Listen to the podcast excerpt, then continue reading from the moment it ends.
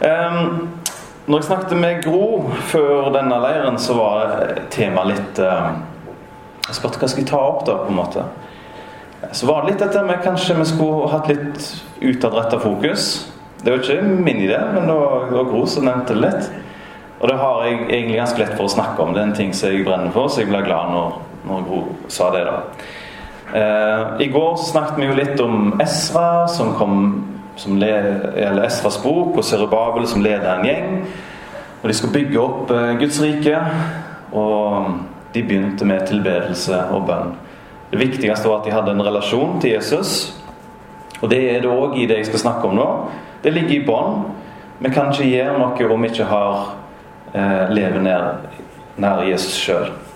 Og jeg har et sånn lite motto. Er du, er du sjøl glad i Jesus, så har du òg alle mulige muligheter for å få andre òg glad i Jesus. Skjønner du? Er du sjøl glad i Jesus, kan du få andre med glad i Jesus òg. Så enkelt er det. Eh, jeg måtte Det tror jeg Gud lærte meg en gang, for jeg hadde en innvending. Jeg skulle jeg kjente et kall til å starte et ungdomsarbeid i Haugesund. Så sa jeg jeg har ikke teologi, jeg har ikke ditt, jeg har ikke datt. Og så i lønnkammeret så fikk jeg høre ja, men er du glad i meg? Ja, jeg er glad i deg. Ja, men da, da kan du gå og gjøre andre glad i meg. Du har alt det du trenger. Gå. så det er veldig essensielt. Jeg har lyst til å be litt. Eh, takk, Jesus, for lovsangen. Takk for eh, alt det som har vært her denne helga. Takk, Jesus, at du er vår frelser. Du er i, i midten av oss. Og takk, Jesus, at du gir oss kall til tjeneste, kall til å gå ut. At vi har ei veldig meningsfull oppgave her på jord mens vi lever. Jeg har bare lyst til å be om at de ordene her nå i dag kan få bety noe for, eh, for evigheten for noen. Amen. Temaet i dag dette er annerledesfolket. Eh, og jeg har funnet noen vers som jeg syns passer fint til å forklare det. Der står det Paulus skriver Følg mitt eksempel, søsken, og se opp til dem som lever etter det forbildet dere har i oss. For som jeg ofte har sagt, og nå gjentar med tårer, mange lever som fiender av Kristi kors. Fortapelse er deres mål, og magen er deres Gud. Skam gjør de til ære, og de søker bare det jordiske. Men vi har vår borgerrett i himmelen, og derfra venter vi Frelseren, Herren Jesus Kristus. Bare litt om forbilder eh, i starten. Paulus skriver at vi skal ha forbilder. Han skriver at eh, vi skal ha han som forbilde. Det er fordi at han er en moden kristen som følger Jesus. Og måten han følger Jesus på, det kan vi lære av. Og så sier han òg at det er andre, det er andre forbilder. Se etter de som lever sånn som oss, sier Paulus, og ler av dem. Jeg var um, Jeg lærte en gang om forbildeffekten. Jeg var i Haugesund i en menighet der, og så var det mange som hadde blitt med i denne vi kalte for Iktus. da. Og så var det min oppgave å være leder, og så tenkte jeg her alle som kommer, vil jeg være gjestfri mot og hilse på. Så Det viktigste for meg når det kommer ny, at det skulle ikke gå mange sekunder før den ble hilst på. Og det gjorde jeg hver gang. Og Uke etter uke og måned etter måned så holdt jeg på med det der og hilste på alle som kom. Og så var det en veldig sjenert kar som hadde gått på Iktus da i lag med meg han var en kristen, hadde aldri hatt en tjeneste, aldri vært engasjert, men han ville være det. Og så til slutt så så jeg at han sjenerte karen begynte òg plutselig, når det kom en ny person inn, så skulle jeg gå og hilse. Og der kom han meg i forkjøpet. Så begynte han å hilse. Så jeg bare Ja vel, ok. Da satte jeg meg bare ned og drakk på kaffen videre. Og så gikk jeg bort til han etterpå, da. Så spurte jeg bare Hvorfor gjorde du det? Hvorfor hilste du? Du har aldri gjort det før. Så sa han bare Nei, men jeg har sett hvordan du hilser på dem. Så ser jeg jo at de blir jo glad og ser at det er veldig bra at du hilser på dem. Jeg tenkte jeg skulle begynne å hilse på dem. og så ble han en hilser, han òg. For at han har lært det av noen andre.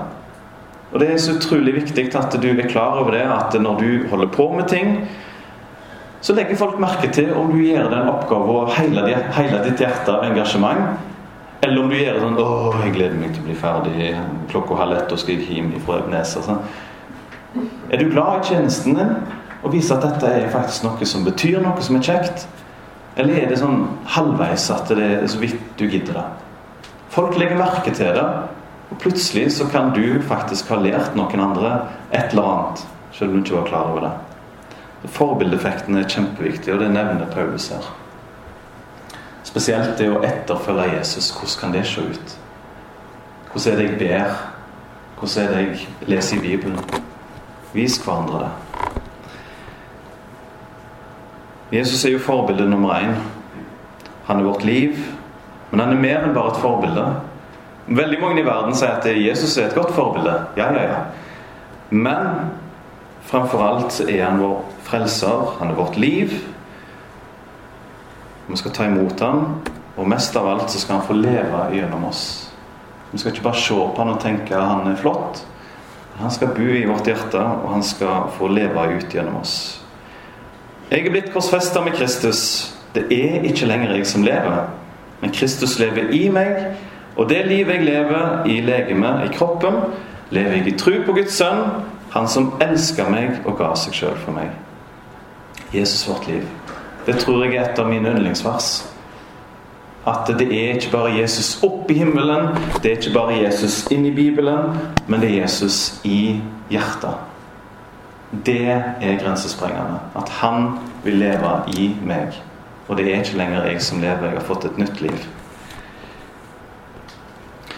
Og så syns jeg det er trist når vi går tilbake igjen, og så ser vi her at uh, selv om det er så fantastisk med Jesus, syns jeg, når jeg selv har fått erfart han, så tenker jeg jo Jeg skjønner bare ikke hvorfor ikke andre ser det jeg ser. Hvorfor ser de ikke hvor bra Jesus er? Hvorfor ser de ikke alt han har gjort? Det står det at mange vandrer som fiender av Jesus. De vandrer som fiender av Jesus. Sånn som dette i Kina. Har de forbudt alle offentlige kors. Så bruker de masse penger på heisekraner og riveutstyr for å rive ned korset. Fiender av Kristi kors. Mange er sånn. Altså, hvorfor det? Hvorfor er du det? Eller folk det? En grunn til at jeg tror mange er sure på korset, er at det viser at vi klarer oss ikke sjøl.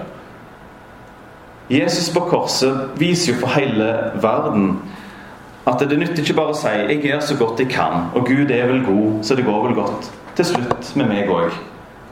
Men hvis det var sånn at du bare gjør så godt du kan, så hadde Gud sluppet og sendt sin dyrebare sønn og det kjæreste han hadde til å dø på korset. En smertefull død og under Guds frede. Det var det verste som kunne skje. Gud hadde jo ikke gjort det. Da hadde han gitt oss kardemommeloven og noen andre lover og sagt bare følg dette, så går det så godt. Men problemet er at hele hjertet vårt, alt er knust og i stykker. Det går ikke an å reparere. Og det skremmer mennesker. Sier du at jeg må få et nytt liv? Sier du at jeg må liksom snu meg rundt og omvende meg, som du kaller det for? Det, det vil Det vekker reaksjoner hos folk. Og så er en annen grunn hvis, hvis, det, hvis det er sant, det som står i Bibelen, så må jo folk endre seg. Og så står det her Når vi forteller om evangeliet, så skjer det enten La dere ikke på noen måte skremme deres motstandere. For deg så er det jo et bevis på fortapelse at jeg har et problem. Hvis det du sier nå er sant, så er det en evighet, og jeg har et problem, for jeg har ikke Jesus. Og Da blir de redde. Hvis du har rett, så har jeg et problem. Så Derfor er det greit at de bare angriper meg litt og sier at kristendommen er gammeldags. Det er bare tull, det der. For da har de ingen problem. Det enkleste er at når livet er slutt, så er det slutt. Det er ingenting mer å forholde seg til. Men for oss, når vi hører om Jesus, så blir vi glad. For det er et bevis og tegn på at vi er frelst, og det er ifra Gud. Ser vi i Sri Lanka var det et angrep mot kristne i, i 2019. Den dypeste grunnen til at folk er imot Jesus og korset Det er ikke kultur, og det er ikke sånn, det er, men det dypest sett så er det det som står i Efeserane 6,12. For vår kamp er ikke imot kjøtt og blod, men mot makter og åndskrefter, mot verdens hersker i dette mørket, mot ondskapens ånde her i himmelrommet. Det er derfor jeg hører så mange historier fra f.eks. åpne dører og de forfulgte, at selv om de blir slått i fengselet, selv om de blir piska og hånt og sånne ting, så slår de ikke tilbake igjen. Hvorfor det? For de vet at den soldaten eller den personen som slår meg, egentlig så er det ikke han som er problemet mitt. Problemet er de kreftene som står bak den personen. Som trigger han til å slå. Og Det er derfor så mange kristne vender det andre kjenner til. For de vet det er ikke han mannen der som er min fiende. Det er noe bakom der. Derfor så skal jeg bare elske den personen og ta imot de slagene. Dette er jo helt rart for oss i Norge. Vi hadde jo gått til konfliktrådet det ene og det andre med en gang. Men, men når forfølgelsen kommer, så er det noen ord i Bibelen som sier at vi skal ikke slå tilbake. Vi skal ikke slå tilbake. Vi snakket litt i går om den åndskampen. Um, men det er jo åndskrefter som gjør at folk har både fordommer og pigger imot kristne. Og ønsker ikke at vi skal dele evangeliet. Jeg hadde ei som heter Mariann Martinsen, som var tidligere satanist. Og hun var det i kanskje både heks og satanist i 15 år, tror jeg det var. Og så ble hun kristen. Og så, idet hun ble kristen, så var det voldsom motstand både fysisk og psykisk mot hun. Og etter hvert så ble hun en trygg kristen, og så skulle hun reise rundt og fortelle om Jesus, og det gikk stort sett greit. Men en gang hun kom på Ebenezer vet ikke om jeg har sagt dette til dere før, men jeg kan si det når vi snakker om dette her. Så var jeg møteleder på Logos, og hun skulle tale om den åndelige verden. Eh, og etter en halvtime så fikk hun det vi kaller for talestopp. Hun sto på talerstolen og bare 'Nå kan jeg ikke mer. Jeg klarer ikke å si mer.' Så jeg som møteleder Ok, men da tar vi en liten pause.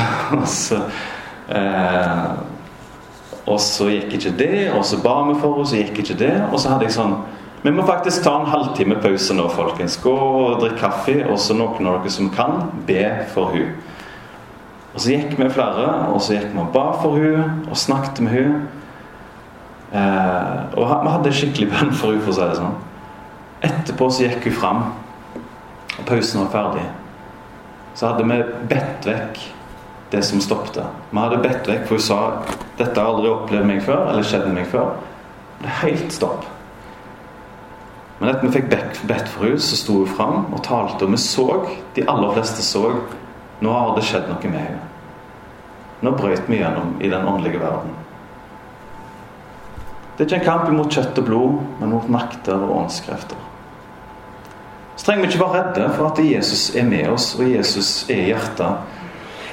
Det er heller han som er redd for oss.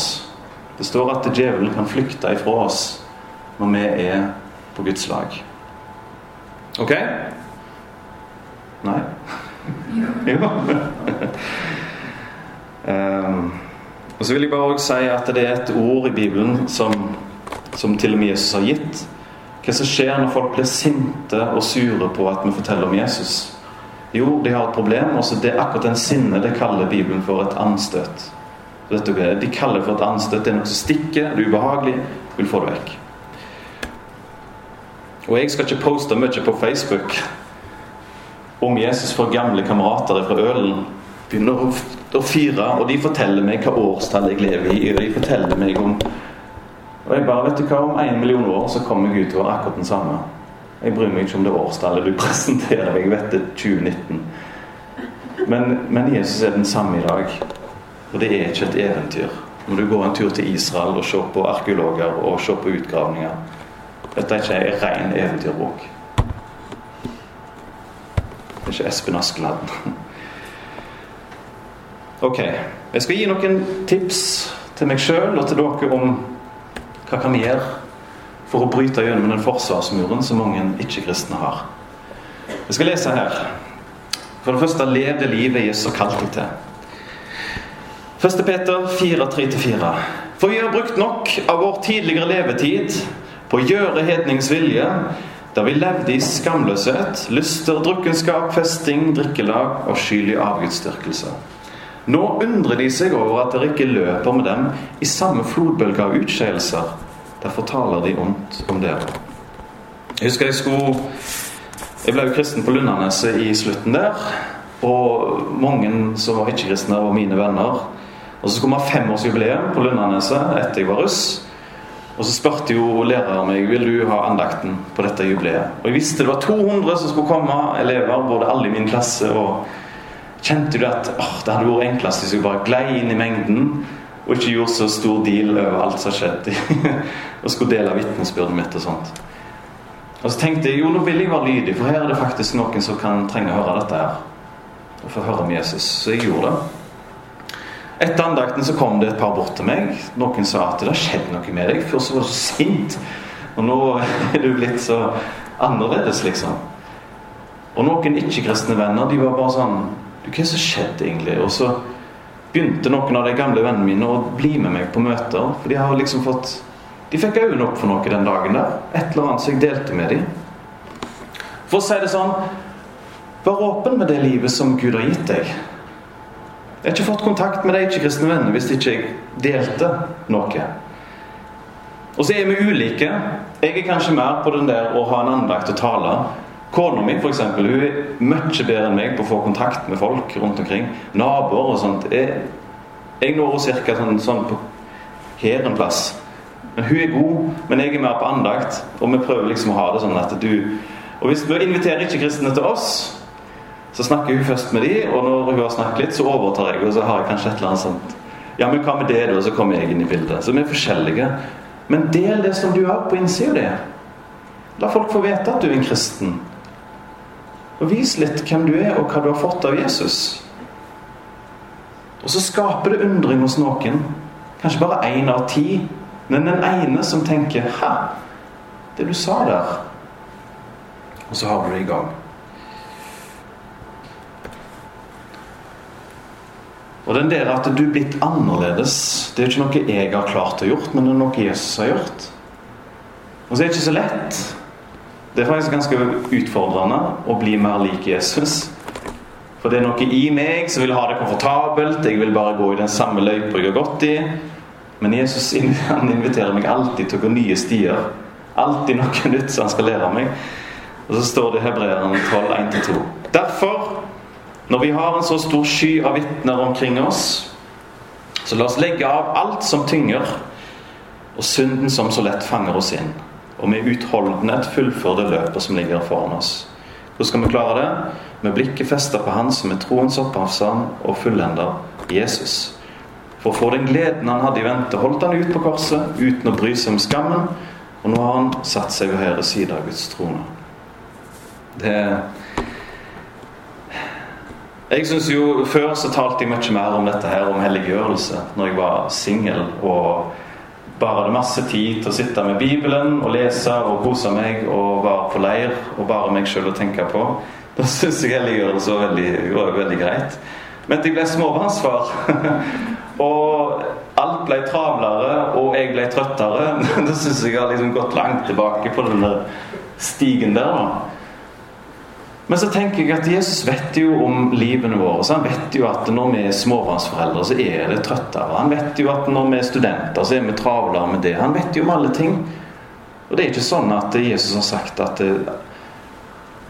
at han skjønner vi har det travelt en periode, så vi tar det seinere. Han vil jo hver dag at vi skal ha våre ærlige bønner til han og si Nå er jeg så sliten, er jeg så trøtt. Hva kan, hva kan du egentlig hjelpe meg med i dag? Hva kan du gi til meg? Jeg tror han liker en sånn bønn enn at jeg bare skal prøve å stramme meg opp til at alt er så bra. Jesus kan hjelpe deg, til og med om du er småbarnsforeldre og du føler alt bare trøttende. Uh, ja. Og så har jeg bare lyst til å si at helliggjørelse er en reell ting. Når jeg først ble en kristen, eller det, det at Jesus bare begynner å ta bolig i deg. Du er en kristen, og så er Jesus i hjertet ditt, og så vil han bare få mer og mer av deg. Og det får jo konsekvenser. Du begynner å ligne han. Du begynner å tenke mer som han. Jeg måtte mange, lenge be til Jesus. Er det bare en sånn psykologisk, kulturell greie at jeg forandrer meg? Så viste han meg den gang tydelig i Bibelen at jeg står i kulissene i ditt liv og graver og gjødsler og putter Guds ord inn i deg. At, jeg skal, at du skal bære frukt. Ok, da stoler jeg på deg, Jesus. Det er du som gjør noe. Det er du som gjør noe i mitt liv.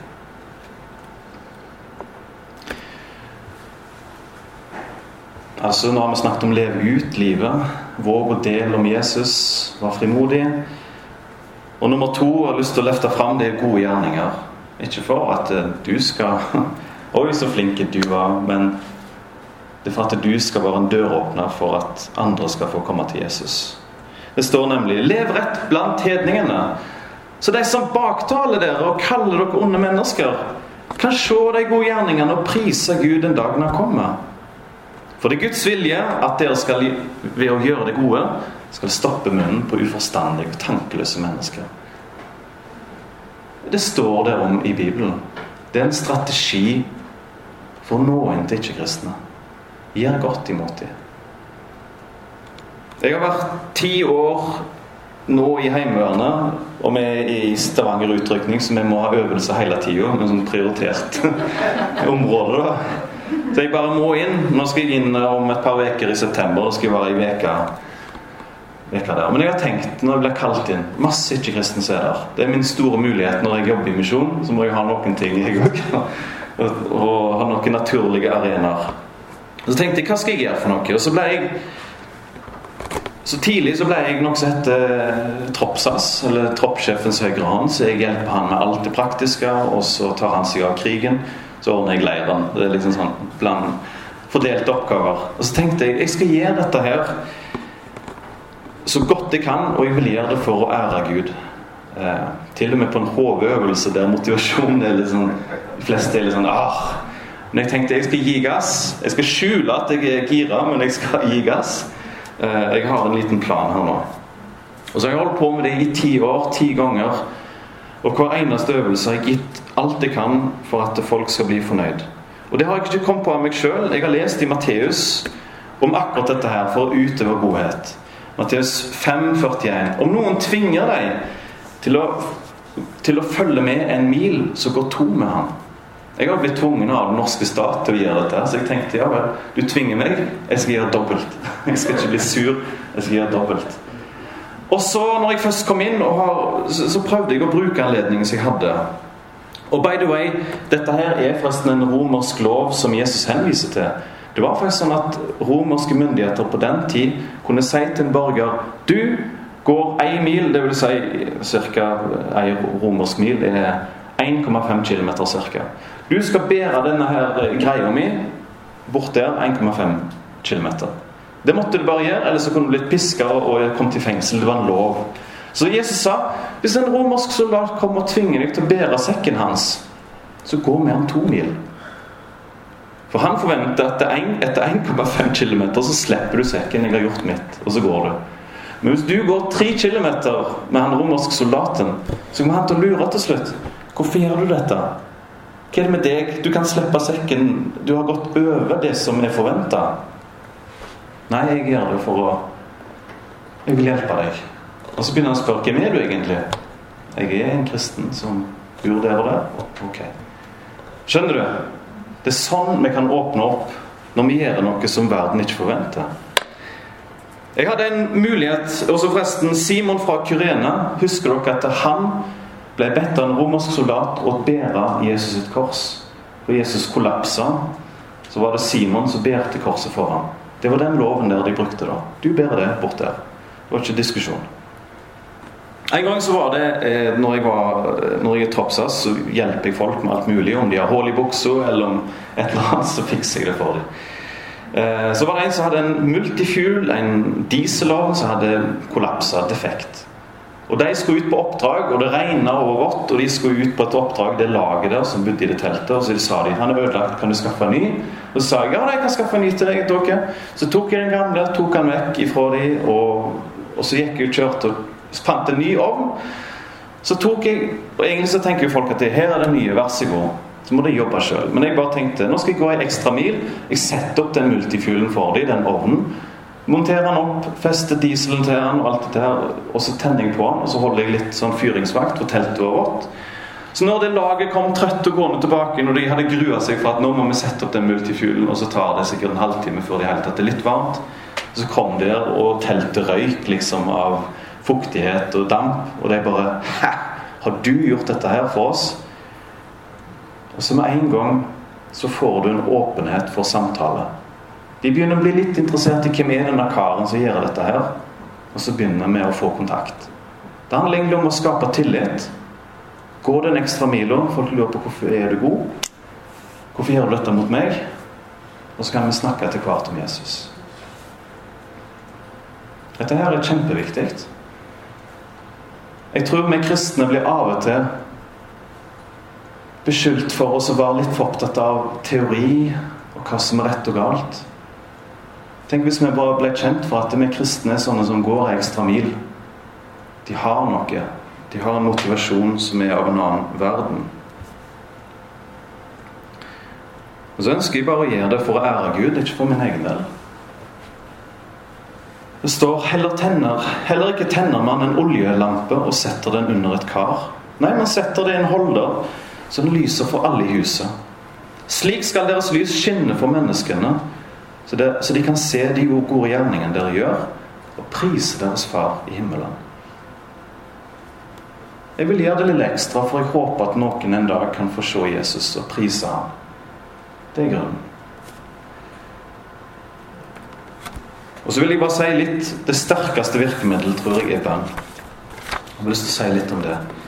Det står nemlig 'Formane dere framfor alt å bære fram bønn og påkallelse, forbønn og takk for alle mennesker'. Og så husker dere den der um, At det er onde krefter på gang. Det er én ting jeg aldri har skjønt. Aldri har forstått hvorfor det skjedde med meg. Men jeg har tenkt kanskje var det et motangrep. Nå skal du høre. Jeg, skulle, jeg bodde på Sandvetunet før. Og så tenkte jeg nå skal jeg be for alle mennesker. Jeg fikk plutselig en eureka. Jeg skal gå en runde rundt alle husene. Så skal jeg be for hvert og en av husene. Og så så begynte jeg med det, og det var i januar eh, et eller annet år. Så gikk jeg i den bønnerunden. Når vi nesten var ferdig med å be for alle hus, så begynte jeg å klø. Så begynte jeg å klø, så begynte jeg å klø. Og så gikk jeg inn. Så hadde jeg fått elveblest over hele kroppen. Jeg bare sånn Ok, hva er dette her for noe? Jeg tok en dusj, for jeg leste på Google og så at ta en dusj, det kan hjelpe. Dagen etterpå så prøvde jeg å gå ut igjen og be for alle disse her husene. Jeg fikk med en gang klø. vi gikk inn og måtte ta en dusj, og jeg ble stoppa. Og sånn holdt jeg på helt til jeg, jeg klarte ikke å gå ut lenger. Jeg, ble, jeg fikk bare de, de, greiene. Så jeg bare holdt meg inne. Og så ble jeg jo innadvendt og sånn. Jeg ble jo sånn Åh, Hva er det jeg har fått for noe? Og drev og sjekka og ringte til fastlege. Og jeg, jeg glemte ut hele prosjektet Be for nabolaget mitt. Det lå i vasken en eller annen plass. En gang i april så hadde jeg fått noe medisin. Legen mente at det var kuldeallergi.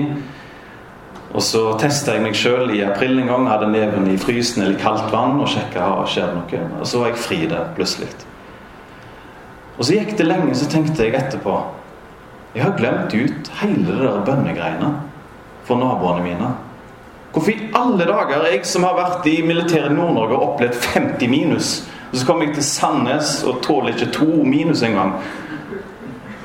Og så tenker jeg Jeg har ikke et svar på hva det var, men jeg tenker det er typisk at noen prøver å ødelegge for oss. Det er typisk. Det trenger ikke være så konkret som det, men det er en som ikke vil. Vi skal ut og vinne folk. Jeg skal bare dele et bønnesvar som vi fikk. Jeg hadde en nabo hjemme som het Torleif. Han var en bonde i Ølensvåg. Taxisjåfør. Når han var i 60-åra, så fikk han kreft. Og han var jeg veldig glad i. Det var en fyr som jeg hadde en nabo. Han hadde jeg stått i fjoset med, han hadde jeg liksom sett opp til da jeg var liten. Og nå har han fått kreft, og jeg har lenge tenkt at jeg blir kristen. Jeg har lyst til å vitne for han en eller annen gang. Og så utsetter jeg det alltid. Neste gang jeg gir meg, så skal jeg vitne for han. Neste gang, neste gang. Til slutt så fikk han kreft og ble dødssyk. Og jeg skulle på ferie til Israel i en måned. Og så tenkte jeg tenk hvis han er død når jeg kommer tilbake igjen. Så har jeg sagt i ti år jeg vil vitne for han, og så har jeg ikke våget å gjort det. Og så I Israel så gikk jeg opp på taket, for der har de flate tak. Veldig fint. De gjorde sånn som Peter gikk opp på taket, og så ba han. Så ba jeg og sa til Gud må du gjøre et eller annet med Torleif, kalle på han og gjøre sånn at han er kristen. For jeg er her, og jeg er redd han dør til jeg kommer tilbake. Så fikk jeg en voldsom fred. At jeg trengte ikke å be mer. Gud hadde hørt bønnen. Og jeg visste at mange andre ba òg. Så jeg gikk ned fra taket, ba ikke foran lenger. Det var Gud hadde hørt det. Så kom jeg hjem i august. Så spurte jeg faren min hvordan går det med Torleif. Hvordan går det? Lever han? Hva skjedde med han? Så sa pappa Han er blitt kristen, han. Hæ? Nei, meg og en eh, kamerat vi inviterte han ut, og så Vi snakket med han. Og så spurte man etter mange timer har du lyst til å ta imot Jesus. da? Men ja, jeg vil det. Og Foreldrene hans hadde vært kristne. Han hadde gått i kirka da han var liten, men han reiste til sjøs da han var 16 år. Og tru og alt bare visna, og det ble aldri noe mer. Det ble dødt. Og Så nå fikk han komme tilbake igjen. Han visste godt hva det var for noe. Og De inviterte han og ba for ham, og så sa han det er for gale at det måtte en sykdom til for at jeg skulle bli en kristen. Når han innerst inne visste hvor bra det var. Han hadde gått vekk ifra det. Og Så fikk jeg ordna et møte med Torleif sjøl og traff ham. Og Han hadde lyst til å treffe meg, og han delte vitnesbyrdet. Og jeg var voldsomt spent på hvordan prosessen hadde vært for ham. Og Så sa han til meg noe som var veldig spesielt. Han sa i 2014, når mor di døde, hun døde etter tre uker med sykdom, så sa han jeg var på det minnemøtet og det gjorde så inntrykk når jeg fikk høre at hun var en kristen. Jeg fikk høre hvordan Jesus var med henne på en måte i dødsskyggens dag. Han fortalte liksom, Det var så sterkt å høre hvordan hun ikke var alene. Og han sa at det, Han har vært på mange nei, minnemøter i sitt liv, men det der topper alt. Så sa han Så sa han at det, det har gjort noe med han. Og jeg så tydelig at han òg ville ha Jesus med seg i dødsskyggens dal. Og etter, Etterpå så snakket vi litt, og så sa, at, eh, så sa jeg at jeg kan ikke gi deg noe særlig, men jeg kan gi deg nattverd. Jeg spurte har du noen gang hatt nattverd. Nei, det har han aldri hatt. Så fikk jeg gitt han nattverd. Jeg sa jeg, jeg kan lese mange ting til deg, men, men her er faktisk Guds nåde til deg. Det er det beste jeg kan dele med deg her. Så tok han nattverd for første og siste gang i sitt liv. Så tenker jeg at bønn og Foreldrene hans sine bønner var med på å føre ham til Jesus. Hvem andre kunne redde ham på dødsleiet? Hvem andre kunne gitt ham evig liv enn Jesus? Så vil jeg bare oppsummere. Der sitter han forresten. Der er han dødssyk, men han er frelst. Det er fantastisk. Men det var trist, men allikevel, han er i himmelen nå. Så vil jeg bare oppsummere. Av at vi er borgere i himmelen, så vil andre se på oss som med skepsis, med fremmede. Og de som ikke tror, vil ha seg sjøl som nummer én. De vil nyte livet så lenge vi kan, og vi er bare sånn som kommer og hiver stein i skoen på dem og plager dem med at det fins en evighet. Og så Når vi prøver å dele evangeliet, så vil de kanskje gjøre motstand. Men når vi våger å være annerledes, våger å vitne om det nye livet, våger å gjøre gode gjerninger og be for dem, så er det stor sjanse at noe vil skje. Veldig stor sjanse at et eller annet vil skje. Og så skal vi alltid huske på at det er Guds ansvar å kalle og frelse mennesker. Vi er hans vitner. Det er han som er Gud. Og det kan få oss til å slappe litt av. Han har kontroll. Men vær lydige mot dine åpne dører, mot den gaven Gud har gitt deg. Bruk det inn mot barnelag og ungdomslag og naboer og alt. Så må vi fiske mennesker. Det er det vi er kalt skal vi be.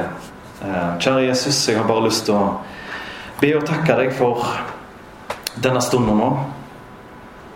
Jesus, jeg vet at det er sterke åndskrefter som vil ha oss vekk ifra det å være et vitne. Vi kan finne hundre unnskyldninger på hvorfor vi ikke skal gjøre dette. Men jeg ber om at vi må se den ene store grunnen til å være et vitne, og det er at du har dødd for oss. Og du elsker oss. Må du tenne en brann i oss som gjør at vi ser at dette er det viktigste. Tenn en brann i oss som gjør at vi får med oss nye på veien. Og utrust oss som er her, med nådegaver og vitnesbyrd sånn at vi kan gjøre din vilje.